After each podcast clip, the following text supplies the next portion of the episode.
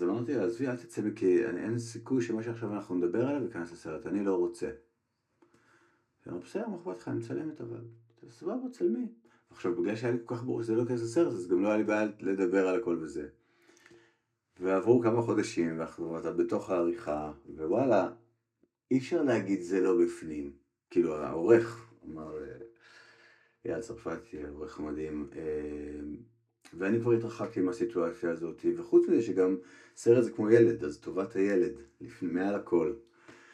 אה, כמובן לא מעל הכל, אתה לא תפגע באף דמות שתעשה, כלומר לא, לא תפגע בכבודה של אף דמות, גם במחיר, במחיר פגיעה באיכותו של הסרט. אבל, אבל אמרתי יאללה, בסדר, אז זה יהיה בפנים, למרות שהייתי משוכנע שזה לא יהיה בפנים, והאמת שעד היום כשרואים את הסרט זה הסצנה שהכי קשה לי איתה. כל פעם שאני רואה אותה אני כאילו, בא לי למות, אבל... בגלל החשיפה הזאת? כן, בגלל החשיפה, בגלל ה... אמ, כן, כן, בגלל האותנטיות שלה וה... כן, זה קצת כמו להתפשט מול כולם. אה, ואני לא אקסיביסיוניסט, אני לא כזה אחד שמחפש את זה ואוהב את זה. אבל אם יש לזה ערך, אם יש לזה אה, ערך מוסף, אם יש לזה משהו מעבר לדבר עצמו, אז זה שווה.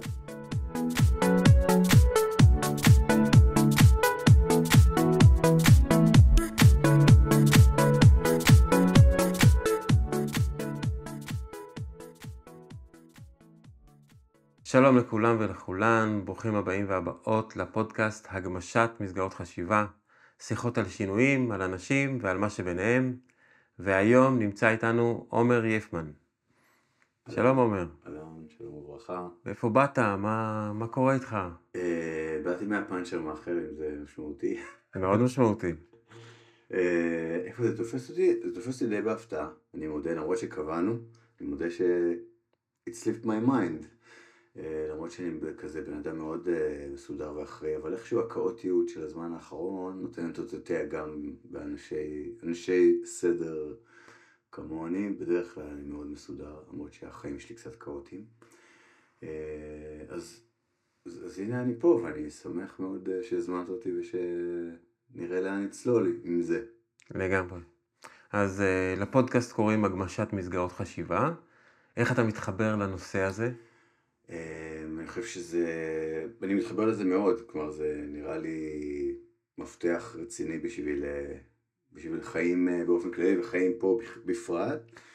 אה, ואני חושב שאני די נוגע בזה גם בדרך הסרטים שאני עושה וגם דרך ההתמקדות, הפוקוסינג, שזה שדה שהוא שדה חקר שאני כבר שבע שנים נמצא בתוכו וגם ממקד אחרים, גם מתמקד בעצמי. ואני מגלה שמה המון גמישות ו... ודברים ש... והפתעות, הרבה מאוד הפתעות בתוך השדה הזה. כן, אז אה, אולי עוד מעט נצלול לתוך השדה הזה ונסחה בין, אה, בין מה שאפשר וננסה לגלות קצת יותר עליך. כן. אמ, יש משהו שאני אוהב לעשות בתחילת כל, פוד, כל פודקאסט, זה בעצם לעשות רגע של שקט. איך אתה מתחבר לשקט? יש לך שקט בחיים? אני משתדל שיהיה לי, ואם לא אני מייצר אותו באופן מלאכותי. אני, אני מאוד אה, אוהב אה, לעשות מדיטציה בבית, בבוקר, לעשות, אה, אם זה מתאפשר אם אני לא חייב ישר לצאת ליום, אז אני עושה שקט, חושך, וצולל לתוך איזה עשרים דקות של, של להתנתק כדי להתחבר כזה, מה שנקרא, כדי להיטען. אז אני מאוד, אה, בכלל אני איש אוהב שקט, למרות שהבן הקטן קצת אה, ערער את, ה... את הסביבה השקטה, אבל אה, בסדר, אתה יודע, זה בגדול, באופן כללי העולם נהיה מקום די רועש, ואני ככל שזה נהיה יותר רועש, אני יותר רוצה להיות תחת לאבן שלי כזה בשקט. טוב, אז בין הבן הצעיר לבין העולם שמנסים לערבל אותך, אז מה עוזר לך כשאתה רוצה להיות בשקט? אז אמרת, אתה מכבה את האור. אם אני, אם, אני, אם אני בסביבה... בוא ניתן טיפ בעצם, אני רוצה שנעשה עכשיו רגע שקט, כי באמת כדי להתחבר, כאילו okay. אוקיי. להתנתק כדי להתחבר, גם אנחנו, בינינו, אה, וגם מי שמאזין לנו, שיוכל להתחבר לתובנות החדשות שיעלו אולי פה בשיחה. אז אה, אולי תן להם איזה טיפ, איך להתחבר רגע לשקט הזה, שנצלח אותו ביחד בצורה הטובה ביותר. אמ, איך להתחבר לשקט? לא להיות ביקורתי וציני, פשוט רגע, ואם עולות הרבה מחשבות, פשוט אה, לתת להם לחלוף, להסתכל על זה, לתת לזה לחלוף, לא, לא, לא, לא להיתפס שום דבר, פשוט אה, רק להיות שם, כמו, כמו אה, צופה בחלון שהמחשבות עוברות כמו ברחוב, באיזה מין מצעד כזה, ואתה מסתכל מהחלון ורק, לא יודע, נהנה להסתכל עליהם ולא להיות הם. וואו, נשמע כמו אחלה עצה. אז uh, לקראת רגע השקט, מוזמנים ומוזמנות להיות בשקט ולצפות במחשבות שיעלו, uh, כמו uh, צופה באיזשהו, או צופה באיזשהו הצגה, או צופה ברחוב, בלי לתת להם להיתקע או להפעיל אתכם. אז uh, רגע של שקט מתחיל עכשיו. קדימה.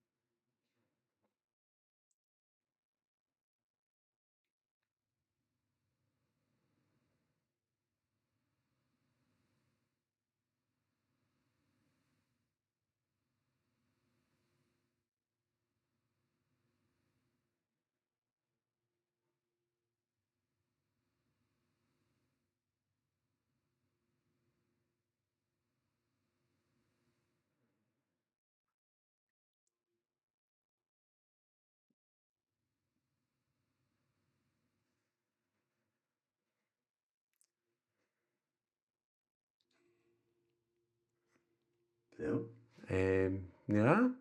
אפשר את כל פודקאסט ככה. אפשר, זה יכול להיות נחמד. יש את היצירה שנקראת 433, אתה מכיר אותה? לא.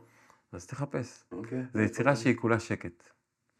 שזה התחיל שבאו לקונצרט, והוא אמר עכשיו תהיה יצירה 433, וכשהוא התחיל את הקונצרט, היה מנצח והכל, הוא היה מול הפסנתר, סגר את הפסנתר וישב ככה, 4.33 ככה. יפה. כן. 4.33 דקות? כאילו 4 דקות ו-33 שניות? בדיוק. כן. טוב, מה הביא אותו דווקא לנקודה הזאת, הזמן הזה. אבל... אה, אה, מעניין, באמת מעניין. יפה, זו יצירה שאצל כל אחד היא נשמעת אחרת. לגמרי, לגמרי, ויש... יש הרבה כאלה שמקליטים 4.33 בכל מיני מקומות, זאת אומרת אם נפתח פה את החלון ונשמע את הציפורים, אז ה-4.33 יישמע אחרת מאשר uh, ביום גשום. לגמרי, זה מעניין אגב לשמוע באמת את הסביבה באופן כללי, כאילו לעצום עיניים ורגע לשמוע את המסביב, זה, זה אחלה דרך, גם בסרטים, הסאונד הוא, פס הקול הוא פשוט עולם שקול לצילום מבחינת, בעיניי לפחות, מבחינת ההשפעה שלו על הצופה והעולם שאתה יכול להביא, זה באמת מדהים. מעניין כאילו לראות כמה שאתה יכול, כמה רבדים אתה מכניס רק מסאונד, בכלל בלי תמונה. כן, קצת אה, מעולם העריכת וידאו, אז אחד ההבדלים העיקריים בין הפס של האודיו לפס של הוידאו, שהפס של האודיו, הם פשוט מתלבשים אחד על השני. ומה שתשים שם, הוא יהיה. בפס של הוידאו, מה שאתה שם למעלה, אותו אתה תראה. יפה. לא חשבתי על זה ככה, אבל זה באמת ככה, זה מה שזה. וזה הרבדים האלה שדיברת עליהם, ש... שכמה כמה אפשר. בוויז'ואל יש גבול, ובגלל זה מנסים, בוא ננער אותך, בוא נעשה זה. אה, נכון. אודיו יכול להיות איזה צליל, משהו בהתחלה ככה.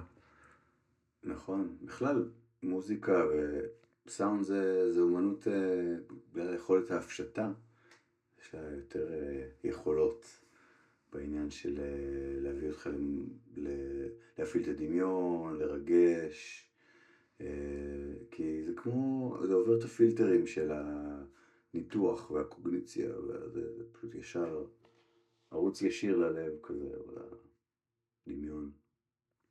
מאיפה ההיכרות שלך עם עולם הקולנוע והצילום? וה... אה, אני הייתי ילד וידאו, עוד שהיו רק קלטות כמובן, וזה, אז uh, הייתי מגיע למצב שאין אין בספר, אין בספרי הסרטים ש... שאפשר להציע לי כבר כזה, ממש um, תמיד אהבתי סרטים, וגם האנגלית שלי, למדתי, למדתי בבית ספר כמובן, אבל אני חושב שהאנגלית שלי ממש היא מהסרטים, הייתי רואה את אותם סרטים שוב ושוב, אז למדתי ככה ממש... אה, אה, וזה תמיד, אה, זה עולם שתמיד ריתק אותי, עניין אותי, ואז הלכתי ללמוד את זה. עזבתי את זה לחלוטין, כאילו, באתי לזה לא בשל כנראה, אבל אחרי איזה סיבוב של כמה שנים, חזרתי לזה במקרה. והייתי מקליט, מקליט בסרטים אה, עלילתיים עם ילדים. ובשלב מסוים נמאס לי להיות אה, רק בעמדת המקליט, זה לא רק, כן, זה תפקיד סופר חשוב, אבל, אה, אבל אה, רציתי להיות אה, בעמדת הבמאי. אז אמרתי, יאללה, אני, אני אלך ללמוד קולנוע.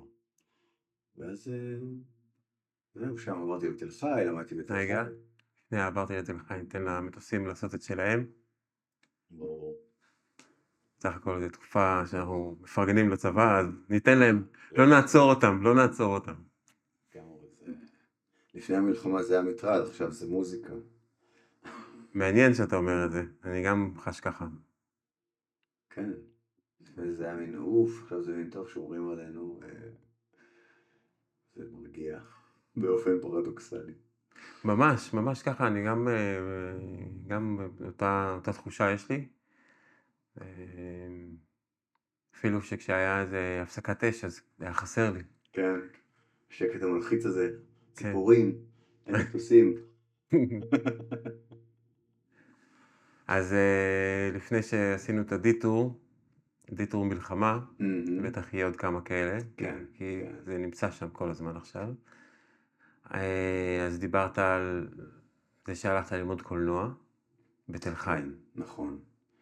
ושם באמת אה, היה לי חופש יצירתי ונפתחו לי שם אה, הרבה ערוצים, גם אה, דוקומנטרי, גם עלילתי. למרות שאני בעיקר יוצר דוקומנטרי, אבל גם עשיתי סרטים עלילתיים, גם הרבה עם ילדים ובני נוער, כל מיני מקומות בארץ שזה... בכלל הקולנוע זה, זה אמצעי לתקשר עם אנשים ו- ולעבור איתם תהליכים משמעותיים, כאילו זה, זה, זה עוד לפני שבכלל יש תוצר, כן?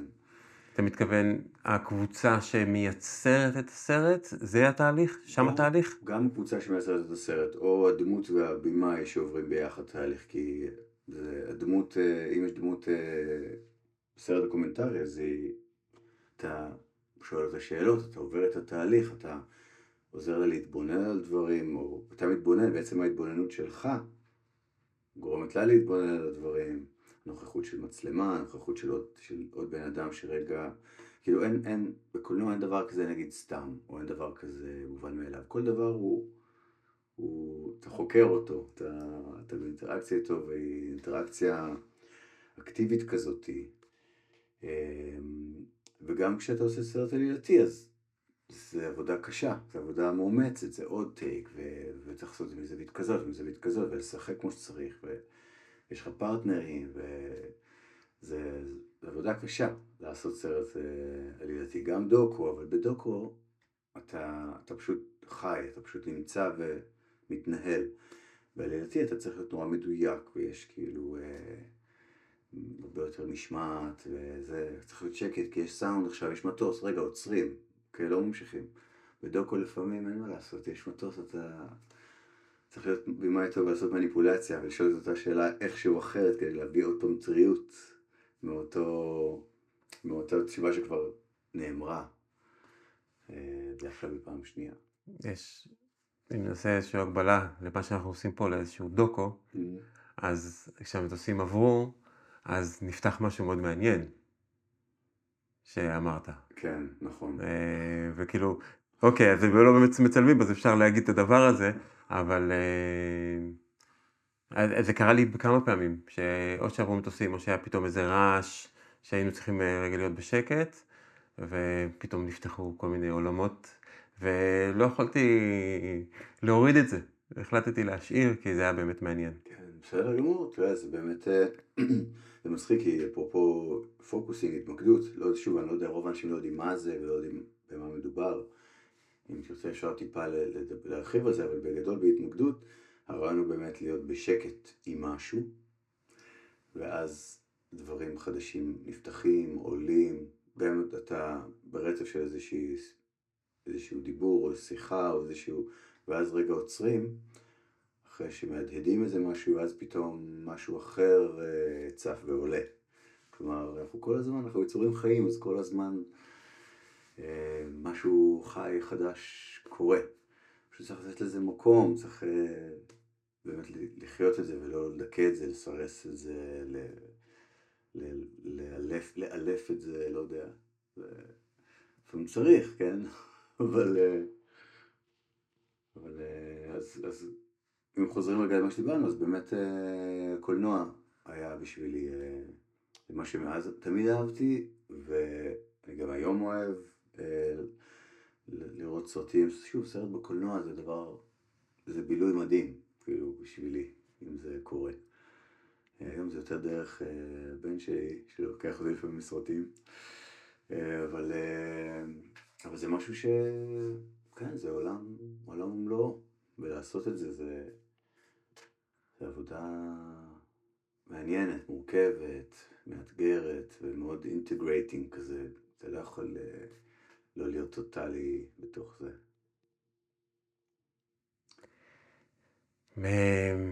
עולות לי מלא שאלות בעניין הזה. קודם כל, בתור ילד שצופה במלא סר- סרטים, כאילו, איך זה מתקבל על ידי המשפחה? איך זה מתקבל על חברים? איך אתה, איפה אתה נמצא שם ש... שזאת הבחירה שלך? לצפות עוד פעם ועוד פעם ועוד פעם באותו סרט. או ב... ל... את כל ה... פעם היה... היה חנויות להשכרת סרטים, ואחרי זה היה את המכונות האלה, שהיה עושות את הר... וידאומטים. וידאומטים עם הרעש הזה. שעד שיוצא הסרט אתה חושב שהם מדפיסים אותו שם. לגמרי, לגמרי.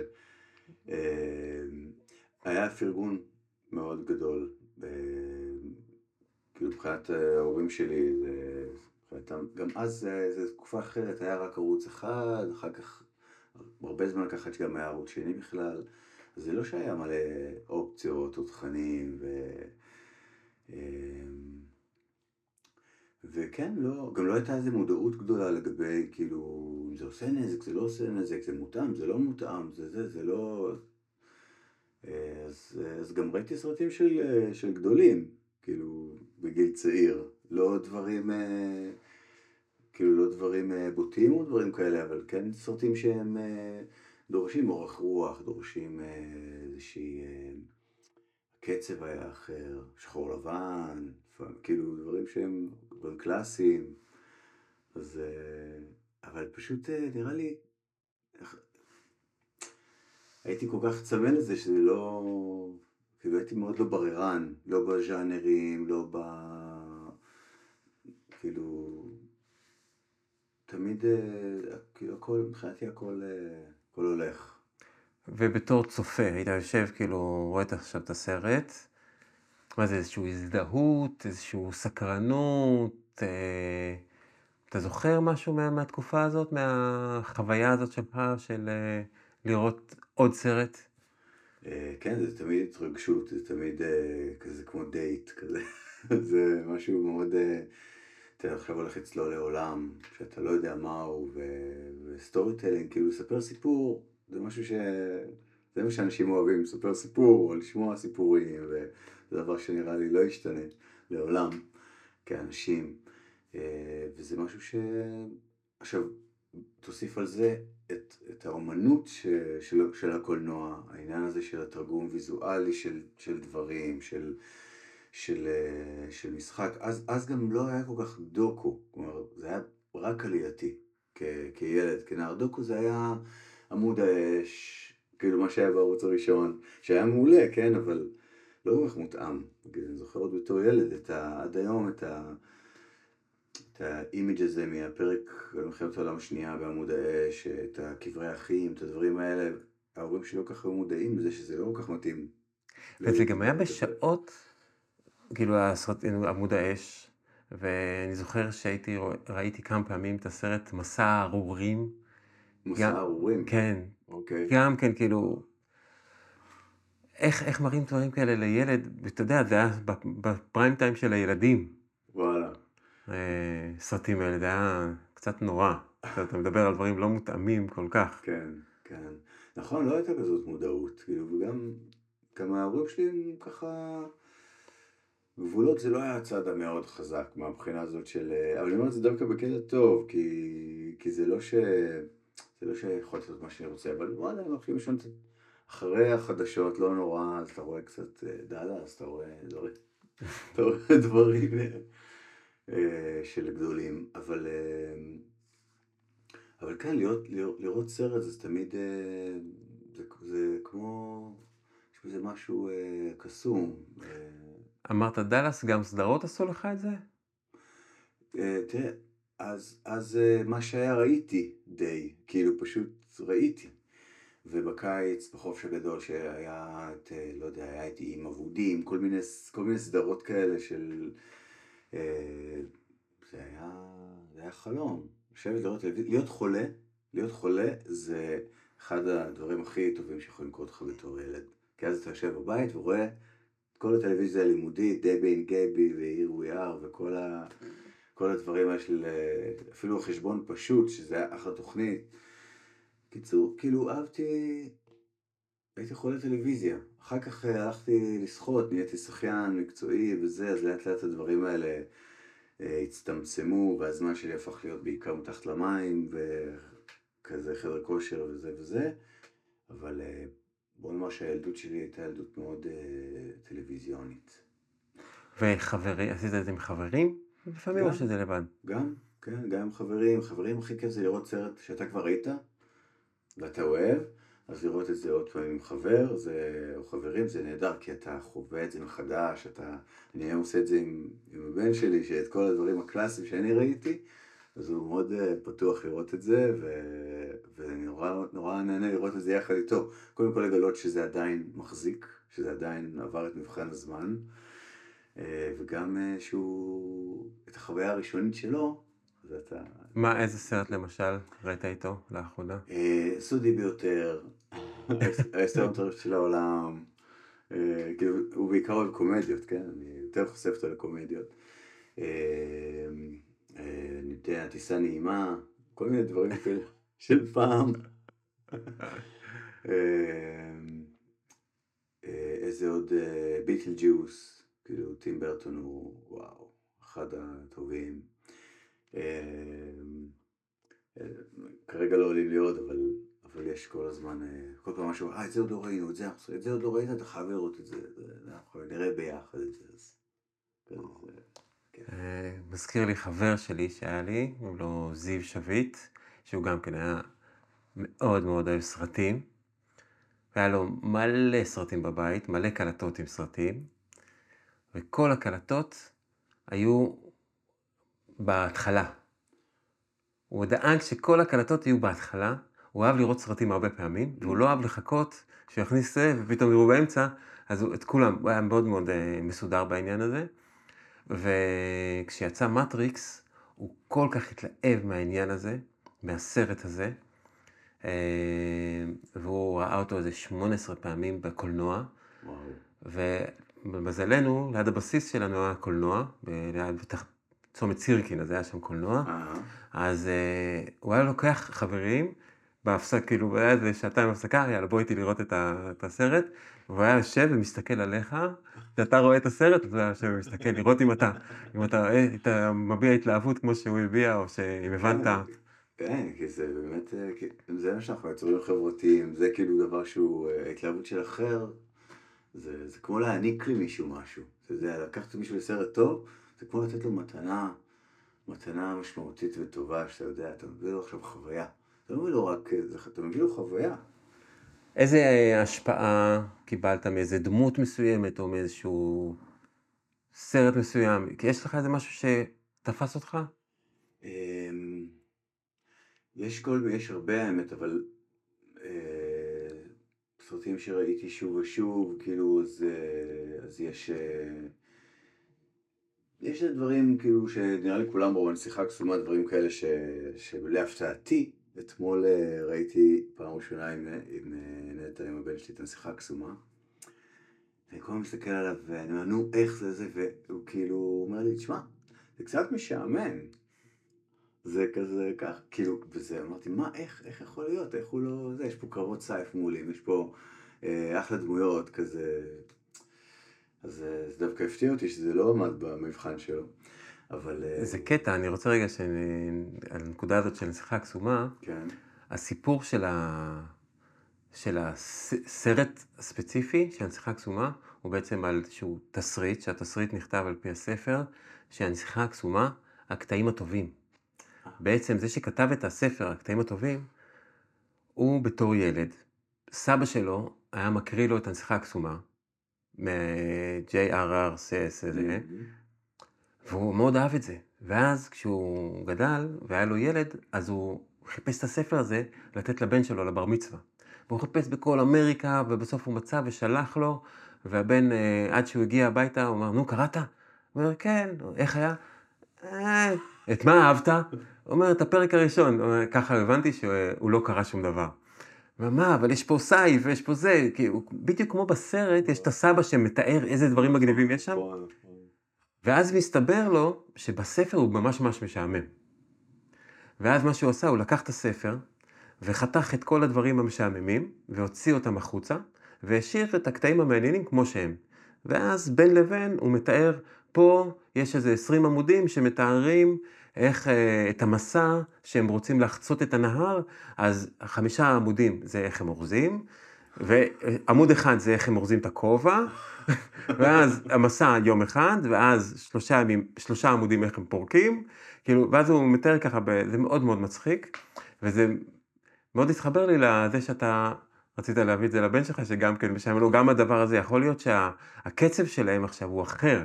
יכול להיות. שאת הדבר הזה, אפשר לחתוך עוד יותר לחבר'ה ש...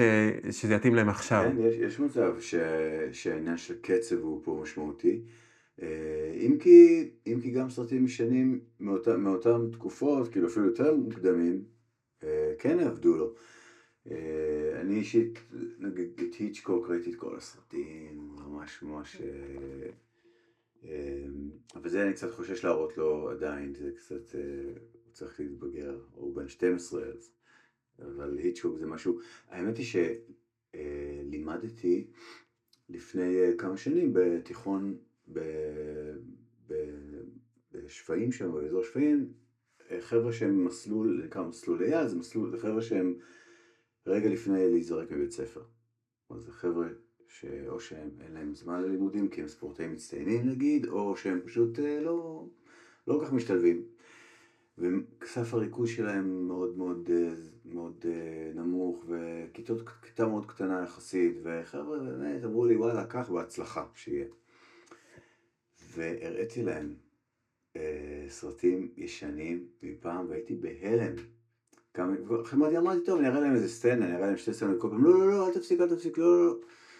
ראינו סרטים אה, שנים, אה, אם זה היצ'קוק, חלון אחורי של היצ'קוק. סרט מהמם, masterpiece, חבל על הזמן, מי שלא ראה מומלץ. אבל זה לא סרט, זה סרט על בן אדם, על צלם עיתונות ששבר את הרגל והוא תקוע בדירה שלו ורק רואה את המאחורה של בניין ואז תוך כדי הוא מגלה כל מיני דברים רק מההתבוננות הזאת, אבל בסך הכל זה one location, זה כאילו מקום אחד, סרט אה, מלפני המון שנים, עם קצב אחר, עם הרבה דיאלוגים, עם הרבה זה. והם היו אה, בטירוף עליו, אז, אז יש הפתעות, כאילו משהו טוב, טוב נראה לי בכל זמן. אה, ומה, וב... אז הבאת אליהם את הדבר הזה, והם ראו ואהבו, ואיזה, איך זה תרם לתהליך הזה שבעצם לשמו באת? מה, ב, בלימודים אז? לחבר'ה, לנערים שלפני שהם נזרקו מבית הספר. אה, הם היו צריכים לעשות בעצמם פשוט סרטים, אז זו הייתה דרך מעולה ללמד אותם, כי, כי אתה הופך אותם לצופים אקטיביים. כלומר, אתה עוצר מדי פעם, ואז הוא מדבר קצת על מה, הוא שואל אותם, אוקיי, מה ראיתם, למה הרגשתם ככה, מה הרגשתם, למה הרגשתם ככה, אז תראו, ככה וככה, זה, אה, זה השפיע עליכם ככה, זה, כלומר, אתה מסביר להם בעצם מה עבד עליהם ולמה זה עבד עליהם, ואז הם מבינים יותר טוב מה הם צריכים לעשות כדי לספר את הסיפור. באופן, קולנוע, באופן כללי בקולנוע, העניין של show don't tell, כלומר, תראה לי את זה, אל תספר לי על זה. אה, ואז בעצם עשית איתם תהליך שהם הכינו סרטים? כן, ואז הם הכינו סרטים, הם עשו בעיקר דוקומנטרי, כי זה, זה כאילו יותר, זה כאילו יותר פשוט לעשות סרט דוקומנטרי. אה, כי אתה מתעסק בדמויות אמיתיות וברגעים אמיתיים, ולספר סיפור זה דבר שצריך לדעת אותו, זה לא בטבעי. אה, וגם מי שלומד אותו לא תמיד הוא צריך לעשות את זה בצורה טובה. אז... עלו שם דברים מעניינים בקבוצה הזאת? כן, כן, עלה. האמת היא שאפרופו אה, קולנוע שיכול לשנות מציאות, היה שם סיפור אחד די מדהים, שאחת הבנות אמרה, בכיתה י"א הייתה, אמרה, וואי, אני, אני רוצה לקחת את ה... לצלם את uh, סבא שלי, שאני לא בקשר איתו כבר המון המון שנים. אימא שלי נתקעה איתו את הקשר, עם אבא שלה בעצם, ואנחנו לא רואים אותו. והוא גר, אני יודעת איפה הוא גר, אני יודעת איפה זה, אבל, אבל אין uh, שום קשר. כי היא מאוד כועסת עליו וכל מיני דברים, ובעצם אני לא ראיתי אותו כבר מאז שהייתי בת שש, כאילו, כאילו, מדובר פה על המון שנים. והיא עברה תהליך בעקבות הסרט הזה, אז האמא והאבא חזרו להיות בקשר, וה... ובעצם כל המשפחה התאחדה בעקבות הסרט הזה. כלומר, היא התחילה מלראיינות רק את אימא שלה, ועל היחסים עם, עם, עם אבא שלה, והבעייתיות, או הקושי, או המורכבות וזה, בעצם על זה שהיא הסתקרנה לגבי זה, ונתנה לזה מקום וזה, ואז משהו התרכך, משהו זז שם, ו... ואז אה, באמת אה, היה איחוד משפחות בעקבות הסרט הזה. שזה די, אפרופו לשנות מציאות, זה, זה מדהים. ו... ושוב, החו... המקום שלה בעולם גם השתנה בעקבות זה, נראה לך? אמ, אני לא יודע, כי היה לי איתם תהליך יחסית אה, קצר. מה זה תהליך? לעשות סרט, לפחות... אה... כן, זה שוב, זה סרט קצר, וזה סרט ש... שהוא אה, בתהליך של בערך אה, שנה, אבל זה לא רציף, כי זה שנת לימודים, אז זה, זה לא שנה כזאת עגולה. אה, אני לא יודע, אני חושב, ש... אני חושב שהיא עם עצמה אה, הרגישה מאוד מאוד טוב כשהיא עשתה את האיחוי הזה למשפחה שלה. גם קיבלה את סבא שלה בחזרה, וגם את אימא שלה יותר מפויסת, יותר... אה, אה, לכעוס על מישהו זה, זה להחזיק. יש לי חברה טובה ש... אז, אז היא פתרה את הבעיות שלה עם אבא שלה, שהיא לא מדברת איתו כבר עשר שנים, יום יום היא לא מדברת איתו. אז, אה, אז אין מה לעשות, זה... כעס, להחזיק כעס כל כך הרבה, זה, זה דבר שהוא ממש הרסני. ו... וזה, קולנוע דוקומנטרי בעיניי זה, זה קסם, באמת, זה קסם ש, שבאמת יכול, אני לא מדבר אפילו על, על דוקו-אקטיביזם, שאנחנו כבר יודעים ששינו מציאות בהמון אספקטים, בהמון מקומות. שזה באמת ז'אנר מאוד uh, מסוים שהמטרה שלו היא לשנות מציאות, דוקו-אקטיביזם. אבל גם, גם דוקומנטרי שהוא רק בא לספר סיפור של מישהו, משנה uh, עולמות, ויש משפט כזה שאומר, אני לא זוכר אפילו מי אמר אותו, uh, שאתה יכול, אתה אולי לא יכול לשנות את העולם, אבל אתה יכול לשנות את העולם בשביל מישהו. שזה משהו שלצערי אני לא זוכר את ה... מי, מי, מי אמר את זה, אבל... Uh, אבל זה ממש ככה, קולנוע דוקומנטרי, וזה גם מה שמביא אותי באמת לסרטים האישיים ש... ש... שעשיתי, אז הסרט הראשון שעשיתי היה הסרט ביקורים נקרא לזה, הסרט הראשון הארוך שעשיתי, כאילו לא באמת היה הסרט הראשון שעשיתי, אבל אה, היה על, על נושא ביסקסואליות, על איך זה אצלי, מה, איך זה מתנהל, איך זה קורה, ו... ואיך זה משפיע על הזוגיות. ובעצם, כשכבר עשינו, אחרי שזה עבר את כל הגלגול שלו ו... ויצא החוצה לעולם וכולי, אמ, שזו הייתה חשיפה מאוד אה, עוצמתית ו... ומטלטלת גם. אז כשבאנו עם הסרט לכל מיני קבוצות אה, של אה, ביסקסואלים, של... שיש להם כל מיני מעגלי תמיכה, כל מיני קבוצות וזה, והראינו להם את הסרט, אז הם אמרו, הרבה מהם אמרו, חבל שראיתי את הסרט הזה לפני 20 שנה. אם הייתי רואה אותו, הייתי, לא הייתי נפרד מבת הזוג שלי. כאילו, לא הייתי מפרק את המשפחה. כאילו, לפעמים אתה, אתה עושה משהו ואתה אומר, וואלה, ויש כאלה שזה, שזה כן תפס אותם בזמן במרכאות, ואמר להם, אוקיי, אפרופו הגמשת אה, מסגרות חשיבה, אמ, להגיד, אוקיי, רגע, שנייה, זה לא, זה לא אפס או אחד, יש פה עוד הרבה דברים בתווך שאפשר לעבוד איתם, וזה בכלל כל ההתייחסות ל... למיניות, למגדר, מאוד, וזה כבר, זה היה לפני עשר שנים, שתים עשרה שנים, הסרט הזה, זה היה ממש מזמן, היום זה כבר נראה, כאילו מה הבעיה? מה היה מטלטל בחשיפה הזאת? זה יציאה מהארון, סוג של. לא שהייתי בארון אל מול החברים שלי או המשפחה שלי, אבל, אה, אבל זה אל מול העולם. אה, מול מישהו מסוים בעולם? מה, כאילו, כמה אתה חשוף לעולם? כמה העולם חשוף אליך? אה, מול העולם, כמובן אלה מעגלים יותר רחבים של אנשים שלא ידעו מה, מה קורה, ואז אנשים גם שואלים כל מיני שאלות, רגע, וככה, וזה, כלומר, ברגע שאתה חושף את עצמך, אז גם אנשים מרגישים חופשי לבוא ולשאול, כאילו, אוקיי, זהו, חשפת אז כבר, זה אומר שלא אכפת לך שנדבר על זה. וזה באמת הייתה הגישה? חשפתי ובאמת לא אכפת לי שנדבר על זה, או שאני חשפתי, אבל אני רוצה, למשל, אנחנו במעגל גברים, אז אתה יודע, אתה בא ומספר איזה משהו במעגל, אבל לא בא לך ששבוע אחר כך יבוא מישהו ויגיד, שמע, פעם שעברה סיפרת שאתה מקנח את האצבע עם אה, אצבע ימין, אתה מקנח את האף עם אצבע ימין, מה, מה, אני רואה אותך עכשיו עם אצבע שמאל.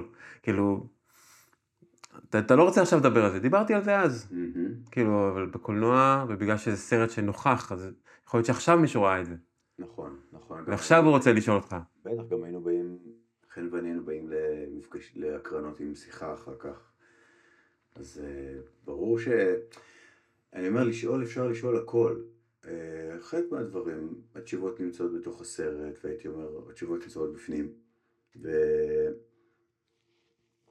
וגם לפעמים אתה פשוט שואל בן אדם מה, מה הוא רוצה בעצם, מה בעצם, מה הוא בעצם שואל, כלומר, מה, כי הקטע של, אה, אתה צריך להבין מתי זה סתם סקרנות צהובה כזאתי, לספק את יצר הסקרנות החטטנית הזאת, שזה משהו שטבוע נראה לי בהרבה אנשים. ומתי באמת בן אדם רוצה לברר משהו עם עצמו, כדי לסדר משהו את, בתוך עצמו. אמ, אבל זה היה מטלטל כי זה היה סרט, זה סרט מאוד מאוד חשוף, הסרט נקרא כל, כל הבקרים השמחים, ב-2012 הוא יצא. זה היה גם הפרמייר שלו הייתה בדוק אביב, בתחרות הישראלית, סרט ביקורים, זה היה כאילו מאוד... זה היה הקרנה שאני לא אשכח אותה בחיים, זה 400 איש, וואו. אולם מלא לחלוטין, מפוצץ, ואתה יושב, ואתה, אין לך מושג, אתה, אתה, אתה, אתה שלם עם הסרט, כאילו, כי ראית אותו, וכאילו סגרת כבר את העריכה, את הסאונד, את הזה, אתה כבר, כאילו, אתה מכיר את הסרט טוב, אבל אין לך מושג, בעצם, עד, ש, עד שהסרט לא פוגש את העולם, אין לך באמת מושג מה...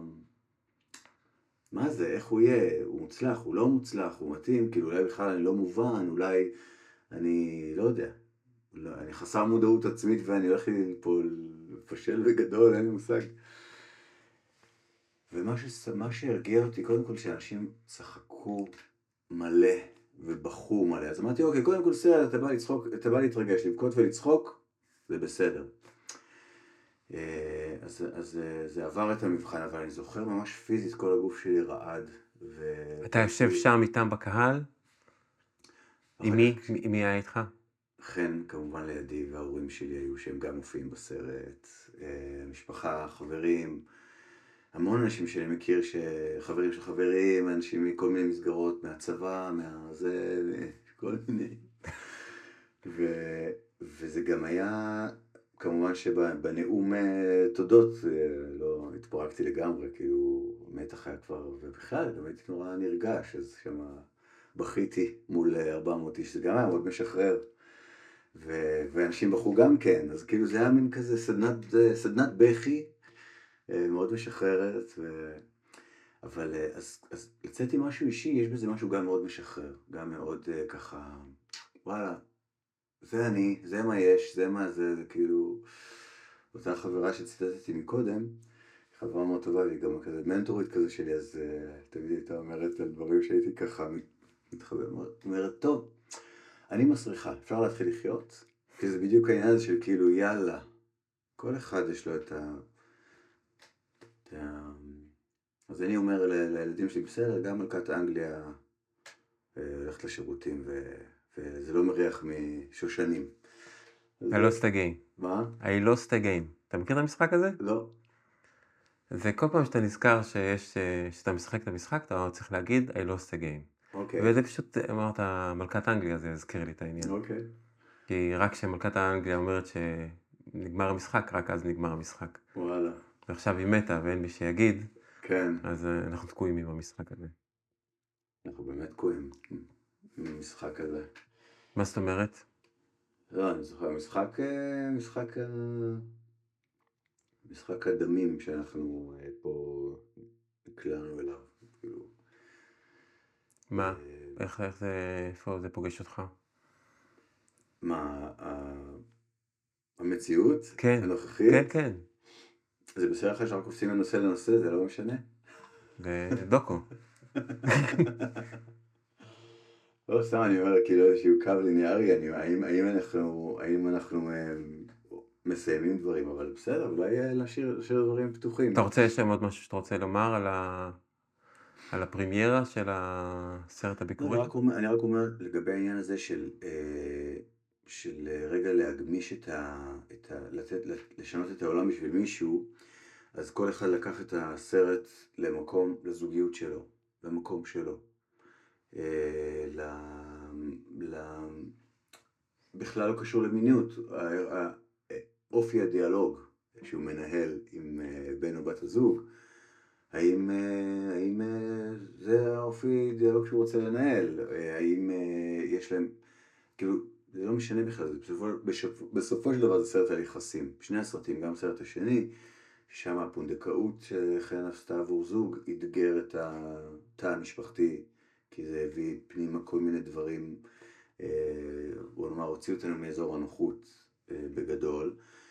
אז, אה, אז זה לא משנה כאילו מה הדבר שמוציא מאזור הנוחות, העניין הוא כאן איכות הדיאלוג, איכות המפגש, איכות הקשר, התקשורת, זה, ואז אפשר לפתור דברים יותר בקלות, כאילו אם החברות עומדת בבסיס, החברות האמיתית והכבוד ההדדי והרצון באמת להיות אחד עם השני, כמו להיות בהמשך קשר כזה, אז כבר אפשר, אה, כבר לא משנה מה גובה הגלים. יש בסרטים אה, נקודות ש... של אה, קושי עז ביניכם? בינך כן, לבינכם? כן, בטח, בטח. מה למשל, איזה קטע ש... מה, קטע שדי חותכים? לא, ש... לא שהפרידה עומדת על הפרק בכלל, אלא אלא יותר איך אפשר להמשיך, איך, איך, איך להמשיך בכל זאת, או איך כן להמשיך את הדבר. אה, בכל המקרים השמחים, יש נגיד אחד, אחד, יש כמה נקודות משבר, אבל נקודת המשבר הכי, הכי גדולה זה ש, שאנחנו מחפשים חניה בתל אביב, שתיים בלילה, ולא מוצאים מתחת לבית, בינתיים אנחנו מדברים על משהו, ואפרופו בסרט דוקומנטרי, מה שיפה בו, זה שאתה יכול להתחיל משהו, כאילו בשאלה מאוד אגבית וקטנה, בלי להתכוון שעכשיו יהיה פה איזה משהו, וזה מתפתח, וזה יוצא משליטה. בקטע טוב, כי זה אותנטי, כי זה מקבל דברים שלא חשבת שעכשיו תדבר עליהם, אה, או תיגע בהם. אז שם יש באמת קטע של אה, וואלה, זה, האם זה, זה, זה או אני או הביסקסואליות, איפה זה מתנגש, כאילו, איפה, איפה, איפה, איפה הוויתור בכלל יכול להיכנס פה, הבחירה. והפחד הזה של, של אם אתה תוותר על זה, אז, אז אולי אה, לא תוכל להיות איתי בכלל, או... כלומר, היה שם רגע מאוד, אה, שזה הגיע לאיזושהי נקודה.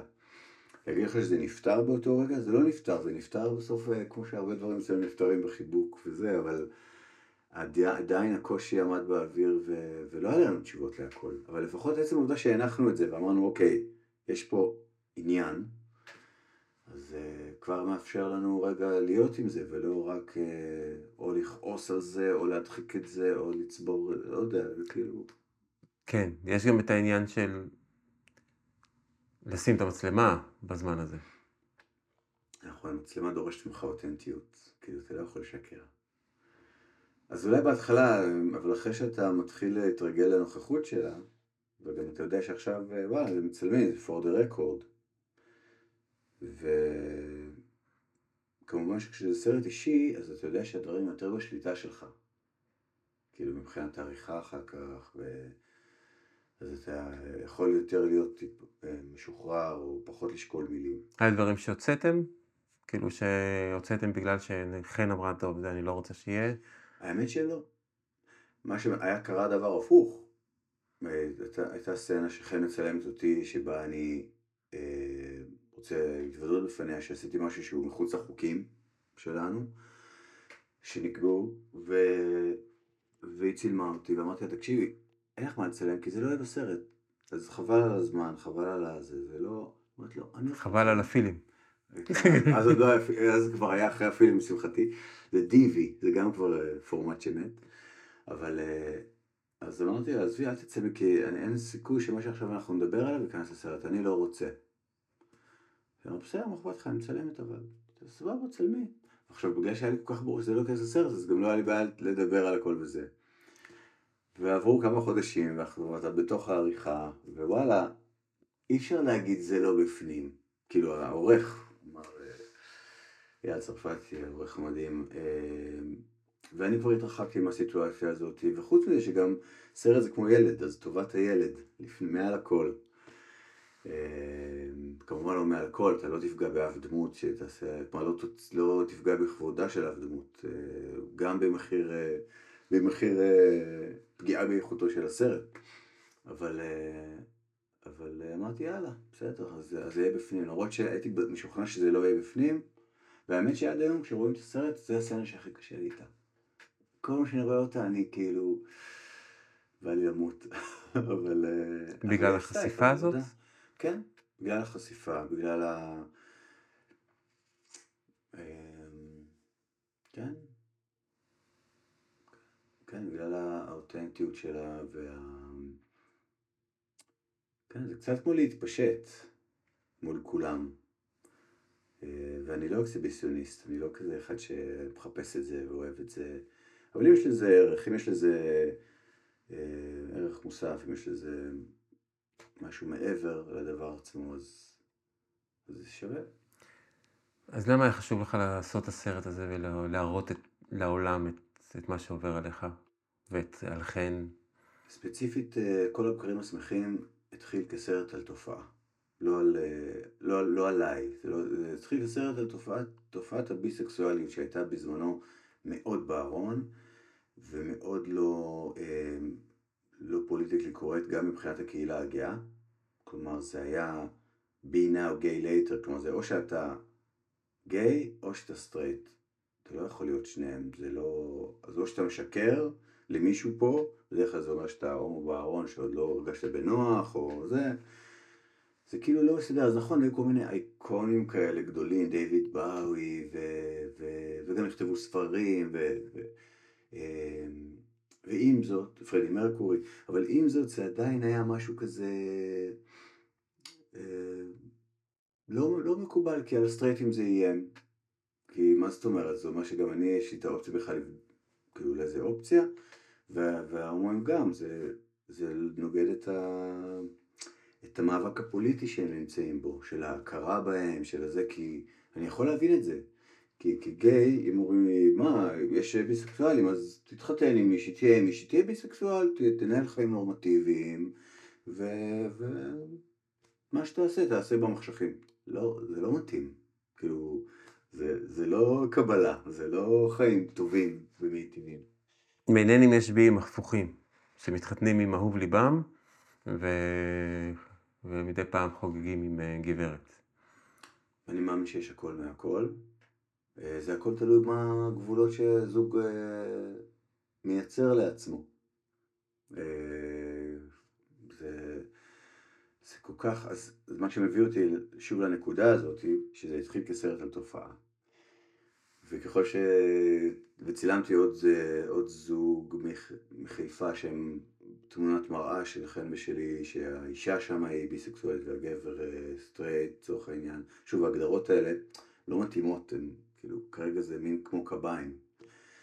אה, פשוט אין משהו אחר כדי לתאר את זה, אבל בקיצור צילמתי כל מיני, והבנו שזה לא, זה מאוד שונה אצל כל אחד, אצל כל אחד זה מתנהל אחרת, יש 7-8 מיליארד איש בעולם, אז יש 7-8 מיליארד וריאציות של מיניות, וזה לא, ויש הבדל בין זהות מינית למשיכה מינית, שזה גם אנשים מבלבלים לחלוטין את הסיפור הזה. אה, אז כאילו ברגע שהתחלתי לחקור את זה יותר וזה, אז, אז כמובן לי נפתחו, נפקחו העיניים, אבל, אבל הסיפור, איך מספרים את הדבר הזה? ואז הבנו שזה הולך להיות סרט אישי, ובאמת זה סרט על זוגיות ועל אהבה, ו, ו, ולא על באמת, כלומר, והביסקסואליות היא הדבר שמאתגר את זה, אז... אה, ואני חושב שזה כן עשה איזושהי נראות, איזשהו אה, שיח, זה עורר שיחה. ואפרופו הגמשת, הגמשת אה, מסגרות, אה, איך אמרת עוד פעם, כל הזמן בורח לי ה... יבוא, הגמשת מסגרות חשיבה. מסגרות חשיבה. אז זה באמת אה, הגמיש לאנשים אה, מסגרות, ואם לא הגמיש אז לפחות אה, ניפץ להם דברים מסוימים ש... ש... שהם היו סטיפים לגביהם, ופתאום זה... אז כן, זה, זה עשה איזושהי הגמשה. מישהו שזה פתח לו והיה קשה? זאת אומרת, מישהו מהמשפחה, מהקרובים, שלא ידע, ופתאום זה עשה איזשהו משהו פחות נעים איתך, או שזה עשה רק דברים טובים? לא, לא מהסביבה הקרובה.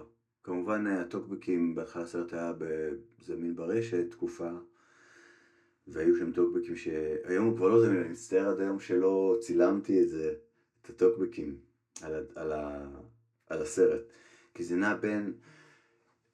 איזה מדהים, ואיזה זוגיות מדהימה, ואיזה, כאילו, זה סופרלטיבים באמת מדהימים, לבין מה את עושה איתו, תברחי ממנו, איזה מין אה, זה, כאילו, נאצה, סליחה, נאצה כאילו, אה, ואז אמרתי, אוקיי, אם המנעד של התגובות הוא כזה, עשיתי משהו טוב. כלומר, מבחינתי, גם ככה זה כבר לא שלי, כן, זה בכלל עניין שלי. כל אחד לוקח את זה לאן שהוא, לאיפה שהוא נמצא. אבל, אה, אבל ברגע ש... אם, אם זה לא קונצנזוס מבחינת זה שכולם... אה, שזה לא שאוהבים או שונאים את הסרט, הסרט, ידעתי שהוא עובד. כי אנשים בכלל לא דיברו על הסרט, הם דיברו, הם דיברו על החיים. אז, אה, אז זה משהו שבשבילי היה, אוקיי, אז זה בסדר, ואין מה לעשות. שחררת את העבודה שלך לעולם, ועכשיו זה לא שלך כבר, זה... ועכשיו, כשאתה מקרין את הסרט הזה, איך אה, מקבלים אותו? אמ, הוא עדיין מאוד מטלטל לאנשים, מאוד. מאוד uh, מאתגר אותם. Uh, הם עוברים בסרט רכבת הרים של רגשות לגבי הדמויות, ובעיקר לגבי עצמם, נראה לי, לגבי החיים של. שלהם, הזוגיות שהם נמצאים בה, הדברים שהם אומרים או לא אומרים, האיך שהם אומרים, אה, זה מעורר כעס, זה מעורר אה, אה, שאלות. מחר אני הולך להקרין את הסרט הזה דווקא ב... במסגרת בית הספר הערוגה, בית ספר לקולנוע, שמגדל מגדל קולנוענים. ו... ויש להם, אז אני עושה סדנה דוקומנטרית עם הסרט הזה, אנחנו נספיע את זה בסרט הזה, ובאמת, וזה דווקא חבר'ה יחסית צעירים. מה שהפתיע אותי מאוד לגלות, תוך כדי ה...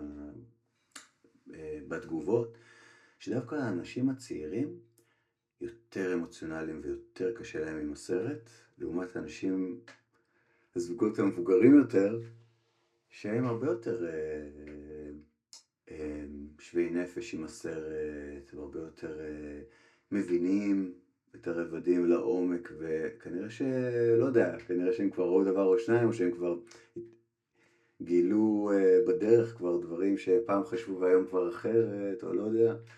הם, הם במקום יותר בטוח. עם עצמם כנראה. מעניין. מעניין. אז נראה מה יהיה מחר, כי אני באמת, אה, אין לי מושג מה, איזה טריגרים שם יפעלו ואיך. זה מסקרן. כן. אז אתה, אתה מקרין את הסרט הזה מחר, אתה מסתכל על הסרט או מסתכל עליהם, על התלמידים? אני, זה נורא לא נעים לי לשבת, אף פעם, אני תמיד יושב מאחורה. כאילו לא נעים לי לשבת, כאילו להיות, אה, אני מרגיש את זה כזה, מבחינת התגובות, מבחינת ה... כאילו, זה מה שאני... אה, אבל אני מסתכל על הסרט, קודם כל לא ראיתי אותו המון זמן, אז אני... אבל... אה, כן, אני, אני מסתכל על הסרט, אבל קשוב למה שקורה בעצם אצל האנשים, אני נותן להם את ה... אבל את הפרטיות שלהם, אני מרגיש שזה לא, זה כזה נורא, מרגיש לי פולשני להסתכל על אנשים צופים בסרט, כאילו להסתכל עליהם בזמן שהם צופים, זה מרגיש לי כזה, לא יודע. כן. מרגיש לי אוקוורד כזה מוזר. לגמרי. Hmm. מעניין החשיפה הזאת שלך, שבעצם גם כדי לעורר איזשהו מודעות ואיזשהו שינוי אצל אחרים, mm-hmm. בקנה מידה כזה גדול, לה, להמונים בסך הכל.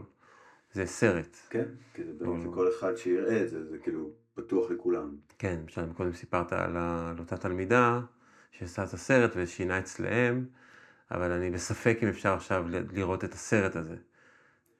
אה, אני לא יודע. זה נורא פשוט, זה נורא פשוט שאפשר יהיה, אבל אני לא יודע אם היא רצתה ועשתה את הדבר הזה, נכון. ואם היא עשתה, יש כל כך הרבה סרטים, אז איך אפשר באמת להגיע לקישור של אותו סרט של ה... שהאבא וה... שהאימא והסבא אה, מתחברים. זה יכול להיות מאוד מעורר להרבה אנשים. אה, אז קודם כל זה באמת דברים שהם, אה, בדרך כלל זה משהו שהוא באמת נעשה בתוך מסגרת לימודית מאוד קטנה, מאוד, אני אפילו לא יודע לא, לא, לא יודע אפילו אם היא סיימה את הסרט עד הסוף, כי זה היה כזה, רק כזה ליוויתי את התהליך, ואת ההמשך כבר עשה בשנה שאחרי זה, כאילו את הסיום של זה. אה, אבל היא סיפרה לי שזה היה, כאילו, את, את ה, לאן זה הגיע. כן. כאילו, אז...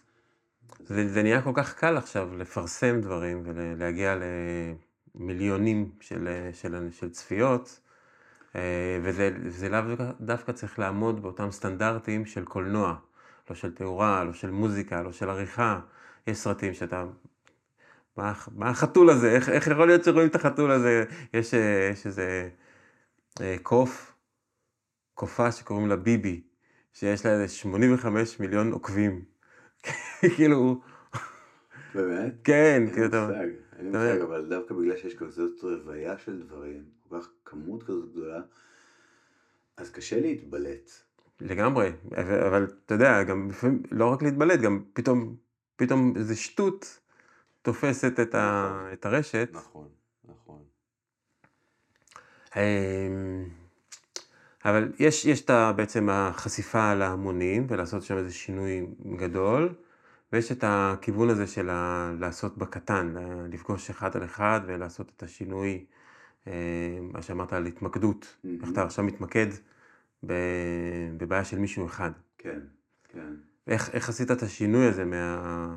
כן, החוט... להיות מוחצן בסך הכל, שזה עולם הקולנוע, גם אם אתה במאי, יושב מאחורה, אבל עדיין אתה עושה משהו ש... לא יודע, המוני, לעומת הדבר האישי, נקודתי הזה, שנקרא התמקדות. אז, אני, אז קודם כל, העשייה עצמה היא עשייה אישית, גם, גם של הסרטים, אתה לא חושב על הקהל, או על, ה, על זה שזה בכלל יצא. אני לא חושב שיש, שיהיה לך בכלל סרט, תוך כדי שאתה מצלם, אתה בכלל לא אומר, בספק בכלל אם יהיה בזה משהו. אבל אה, אני חושב שהחוט המקשר ביניהם זה בעצם ההקשבה.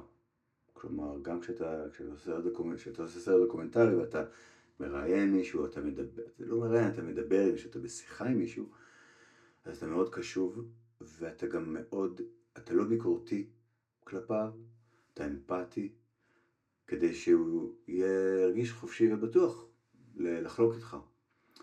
ואתה גם מסתקרן לגביו מאוד, באמת מסתקרן, לא, אתה לא בא עכשיו אה, לא, להוציא ממנו משהו או להגיד לו מה, את דעתך שהיא לא מעניינת. אה, וזה, אני מוצא בזה המון, אה, המון דמיון גם בהתמקדות, פשוט בלי המצלמה. ו... ובהתמקדות אתה באמת, זה מחזיר אותי לעניין הזה של, שוב, לשנות עולם בשביל מישהו, זה, זה, דבר, זה דבר ענק. עכשיו, מה זה לשנות עולם? בסופו של דבר התמקדות, הרצון הוא להכניס תנועה בתוך מצבים תקועים. אם יש לך הרגל שאתה רוצה להיפטר ממנו, אם יש לך איזה פרויקט תקוע, או משהו ביחסים שהוא תקוע ואתה רוצה לשנות. איך אתה נחשפת לנושא הזה? נחשפתי, זה, זה התחיל דווקא כאילו בהתנגדות מאוד גדולה. אמ, כי הייתי מטופל בעבר בפסיכולוגיה כאילו קלינית, קונבנציונלית מה שנקרא, ואחר כך בפסיכותרפיה, בפסיכואנליזה, סליחה.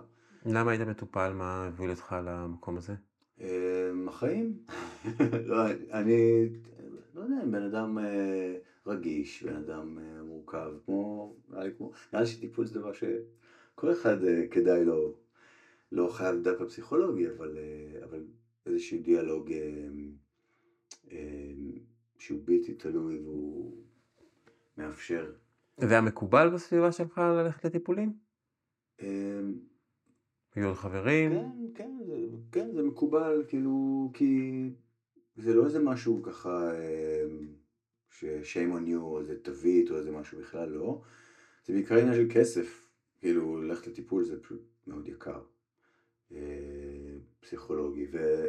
אבל גם, גם היו דברים שרציתי לגעת בהם, שלא פתרתי עם עצמי בצבא, בתור חייל קרבי ו... וכל מיני דברים, הייתי חובש קרבי ועברתי כל מיני אירועים די מזעזעים ו... והחלטתי, יאללה, בוא ניכנס בזה, כאילו כמה אפשר uh, ללכת מסביב. אני לא הלום קרב וזה, אבל אם אני, uh, התגובת קרב שלי לעניין מבחינתי הייתה, אני חושב, uh, בעצם חוסר היכולת לתכנן רחוק, או מעבר לחודש, חודשיים הקרובים. אני כאילו, אני בכלל לא רואה את זה. אני לא מצליח להסתכל רחוק. בואו נקנה כרטיס לחו"ל לעוד חצי שנה. מה עוד חצי שנה? מי יודע מה עוד חצי שנה אני? איפה אני עוד חצי שנה? כאילו, זה נראה לי, זה ממש קשה לי ל, ל, לחשוב ככה, לתכנן. אה, כנראה משהו באותו רגע, אני זוכר, הרגע הזה היה מאוד מאוד, הייתי רק בן 18 וחצי. 19. וזה היה מאוד מאוד מטלטל, הרגע הראשון, הפעם הראשונה, אחר כך זה, זה חזר על עצמו בעוד דרכים, אבל... אז, אז זה כאילו מה שאמרתי, יאללה, אני גם, אני גם אגע בזה. וגם בכלל, אתה יודע, תמיד, תמיד יש, יש במה, במה להתעסק. בכל מקרה, המפגש עם ההתמקדות היה שכבר um, עזבתי את העניין הזה של אחרי זה כמה שנים, ואמרתי, גם יקר מדי וגם אני מרגיש שזה לא נותן לי כלים, וכאילו, זה בסדר, זה אחלה, אבל זה גם קצת נרקיסיסטי מדי בשבילי. מה זאת אומרת? כל הזמן להתעסק בעצמך וב, וב, ובהשפעה שלך, ובחוסר ההשפעה שלך וביחסים שלך עם כל העולם וזה. היה בזה משהו קצת כזה מעייף. ו, ולא מקדם כל כך בשלב מסוים. וחיפשתי משהו אחר, משהו uh, שהוא יותר תכלסי, יותר פרקטי, uh, וגם לי הרבה מילים, לא היה לי כוח יותר למילים.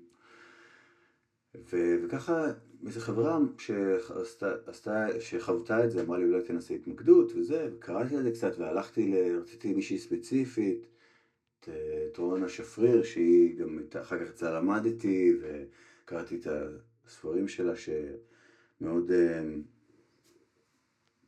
הכניסו אותי לזה. אבל לפני זה הלכתי, הלכתי לאיזו התמקדות, ומישהי אחרת, וכזה הייתי עסוק בעיקר בלהתנגד לזה. ויצאתי משם ממש מותש וכועס, שזה לא, כאילו לא הבנתי בכלל מה רוצים מהחיים שלי, באמת. אחר כך, אה, אבל נתתי לזה עוד צ'אנס, פגשתי אותה, ואז התחלתי, פגשתי את אה, רונה, ב...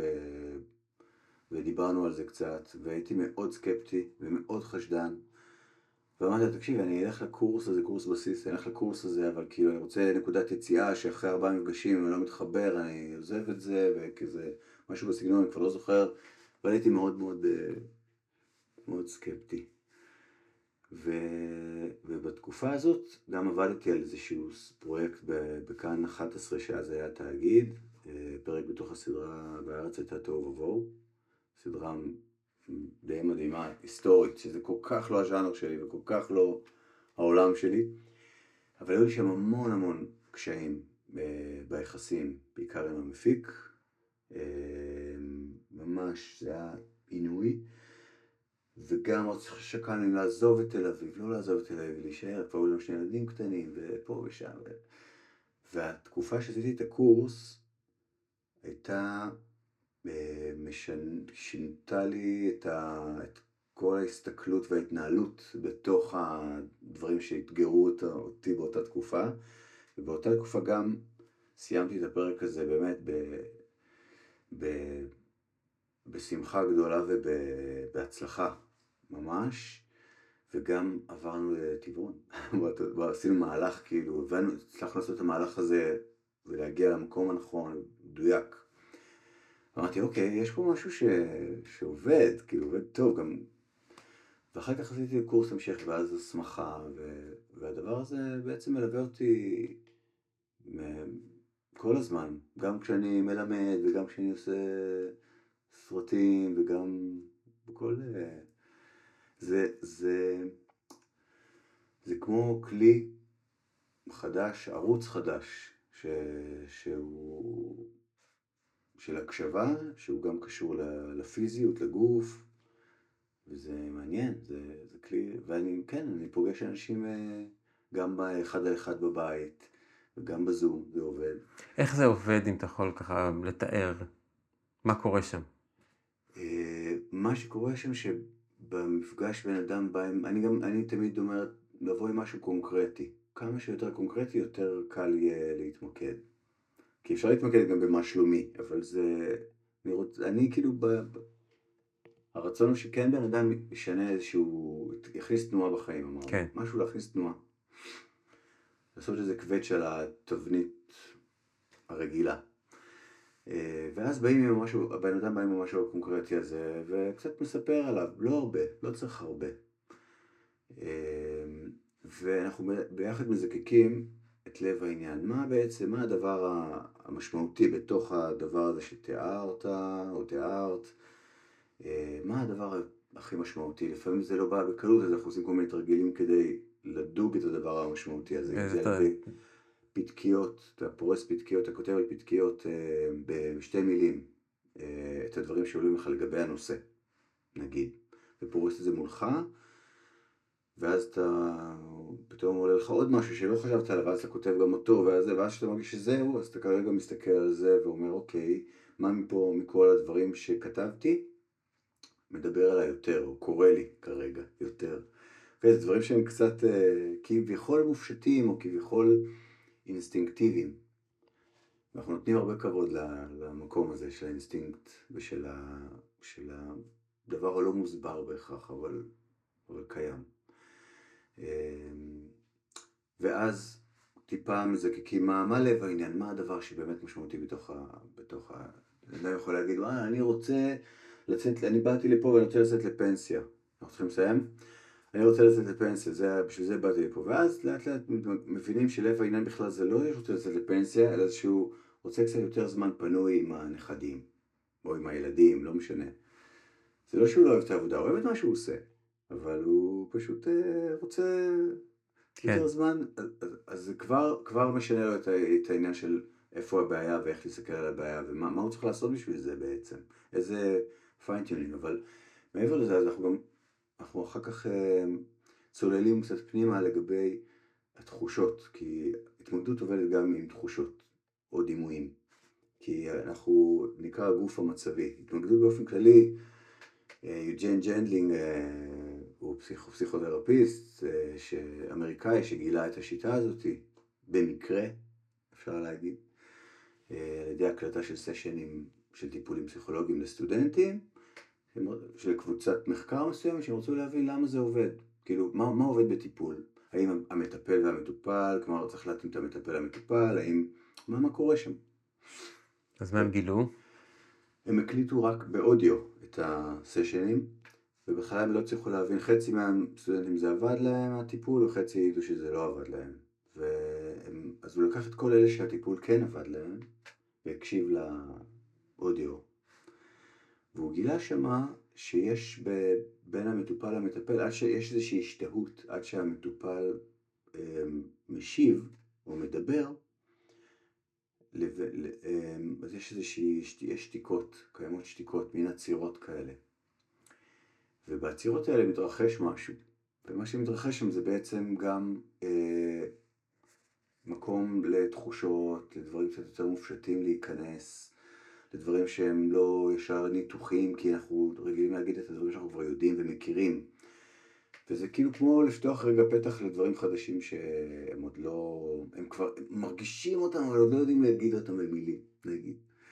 וזה מה שקורה בעצם בהתמקדות, אתה רגע, אני מהדהד לך קצת דברים שאתה אומר במילים שלך. אני לא שם את ההשלכות שלי, אני לא שם את הדעה שלי, את יכולת הניתוח הנפלאה, whatever, whatever it is. לא. אני נותן לך רגע, אני כן עוזר לך, אני כן מנחה אותך בהקשבה הזאת, ב, ביכולת שלך לצלול, אבל אני, אני, זה תהליך מאוד עדין ומאוד אה, אפקטיבי. ובסוף בעצם אתה אמור לצאת עם איזושהי תובנה, להבין רגע משהו, יש המון, יש תהליך, יש איזה אלמנט ההפתעה תמיד. פתאום הבן אדם אומר, אה, נכון, רגע, אה, זה בעצם זה, או אה, זה בעצם ככה, או, או, זה יכול להיות ככה, או אני יכול לעשות ככה. אני חושב שבן אדם יוצא עם איזשהו משהו לעשות איתו, something to work with. אתה יכול לתאר איזה מקרה שהיה, שהיה הצלחה מסחררת מבחינתך? אה, תראה, בגדול, מבחינה אתית אני לא כל כך אה, משתף אה, דברים, אה, כאילו דברים שהיו. אני רק יכול להגיד שזה זה, זה נע בין אנשים, ש... בן אדם ששקל לנתק קשר עם קרוב משפחה מאוד קרוב, ואחרי שלושה מפגשים בעצם קרה איזשהו שיפט מאוד גדול, ובמקום שהקשר יהיה, אה, במקום לנתק את הקשר, הקשר מאוד התקרב, ומאוד נהיה, והשתנה, נהיה מאוד מאוד קרוב. אה, אני יכול, אה, זה, אני יכול לדבר על דוגמאות של אנשים שאיבדו קצת כיוון בתעסוקה, ואז פתאום הבינו שהם בכלל כאילו מצאו כיוון תעסוקתי יותר בקלות דרך זה. איבדו איזושהי תשוקה במה שהם בדרך כלל עושים, ואז התחברו לאיזה משהו, רצון אחר, ויצרו משהו אחר. אה, זה, אז זה, זה גם, בסופו של דבר זה מערכות יחסים. מערכת יחסים שלי עם לא רק אנשים, גם עם פרויקט שאני עושה. הרבה אני עושה ליווי יצירתי של אנשים שתקועים עם פרויקטים שלהם יצירתיים, ואז, אה, ואז בעצם מתמקדים במערכת יחסים עם הפרויקט הזה. נחמד. אה, פוף, איזה כיף לשוחח איתך, יש הרבה, הרבה דברים ש... הרבה. שדיברנו. אני לא חושב שיותר מדי, אבל לפני זה אמרת שאתה לא יודע אם יהיה לך מה לומר. אה, היינו יכולים לעשות את זה עוד איזה שעה, שעתיים, אבל אה, ככה נחתור לסיום. ולפני שנגיע לסיום, יש כמה דברים שאני רוצה שנעבור דרכם. אחד מהם זה אם יש משהו שחשוב לך לומר ולא אמרת אותו, ואתה רוצה להגיד אותו עכשיו. לא... אני רק שמח שהצלחתי לחמוק מהתחושה, מהשיחה על המצב הנוכחי. מעולה, אוקיי. אה, אז מה דעתך על המצב? סתם, לא? אמ, ואם אמ, מישהו רוצה בעצם אה, לראות את הסרטים שלך, או לבוא אליך להתמקדות, או, או לקרוא עוד קצת על יוג'ין, או על הדברים שאמרת, אז איך, איך אפשר להגיע לדברים האלה? אז אה, קודם כל, פוקוסינג אה, על התמקדות אפשר פשוט to google it, ויש המון אינפורמציה. יש את האתר של התמקדות ישראל, שהרבה מהידע מרוכז שם. אה, ואליי כמובן אפשר לפנות דרך טלפון או מייל או פייסבוק. מה? מה הוא? טלפון 0506 881 095 ובפייסבוק אני קורא לזה עומר יפון פשוט. בעברית? באנגלית. כן. אוקיי. Okay. אה, ומייל אני לא נראה לי שיש טעם. נשים את הכישורים לכל הדברים האלה בתיאור הסרטון, וככה שיוכלו להגיע לך יותר בקלות. כן, שיפנו אליך. יכולים גם לפנות אליי ואני אה, בשמחה אעביר את המספר ואת כל מה שצריך. והסרטים, הסרטים יש הקרנות, אה, קודם כל למי שיש יס דוקו, אה, למי שיש יס, אז יש את זה ב-VOD של יס, את אה, לשמור בבטן, את הסרט על הפונדקאות. זה, הוא יצא ממש, ממש בתחילת הקורונה כזה, ב-2000, משהו כזה. ו... ואם לא, אנחנו עושים הקרנות של הסרט מדי פעם. ב... עשינו בכלי, עכשיו תהיה במכמורת, ותהיה עוד אחת בכלי של הסרט הראשון, אבל, אבל אלה דברים בדרך כלל שזה כזה קהילה שמזמינה אותנו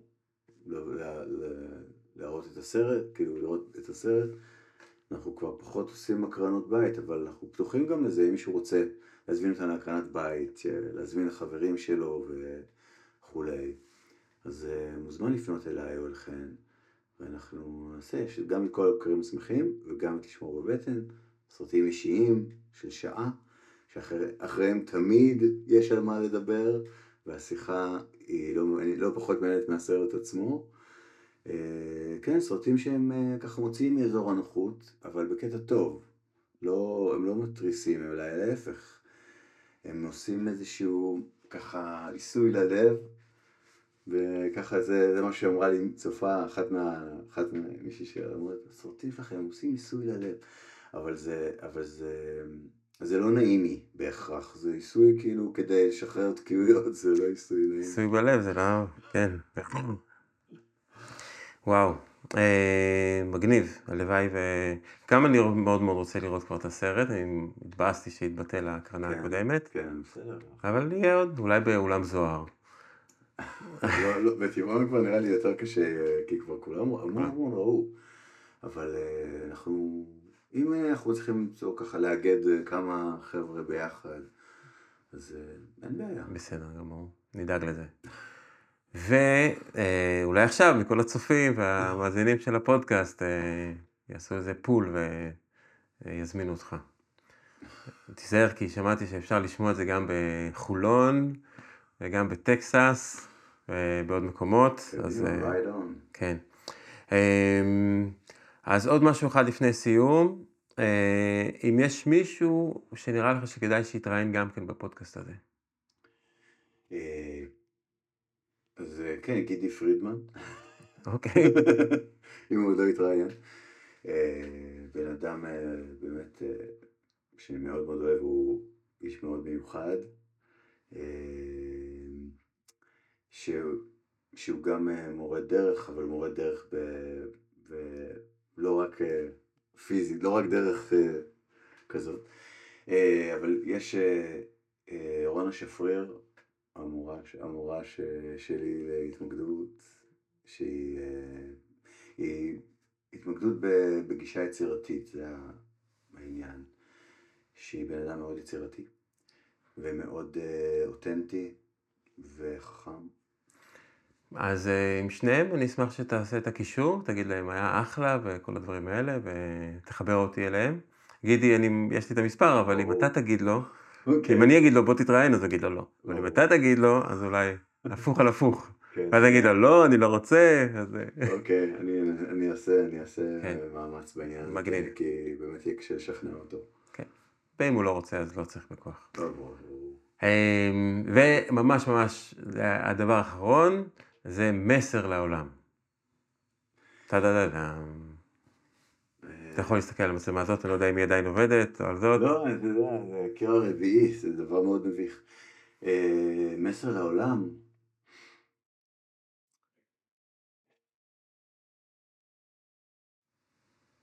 כאילו, וואי, כל כך קשה בתקופה הזאת לתת איזשהו מסר ש... שהוא, אה, שהוא לא אה, קלישאה, או שהוא לא... אה,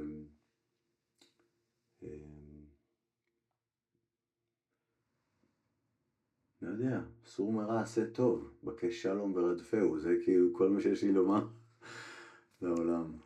אם כבר מדובר על קלישאות. לגמרי, זה. קלישאה שהיא, אתה יודע מה הבעיה עם קלישאות? שהן נכונות. תודה, תודה רבה.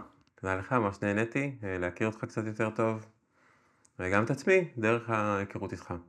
תודה, זה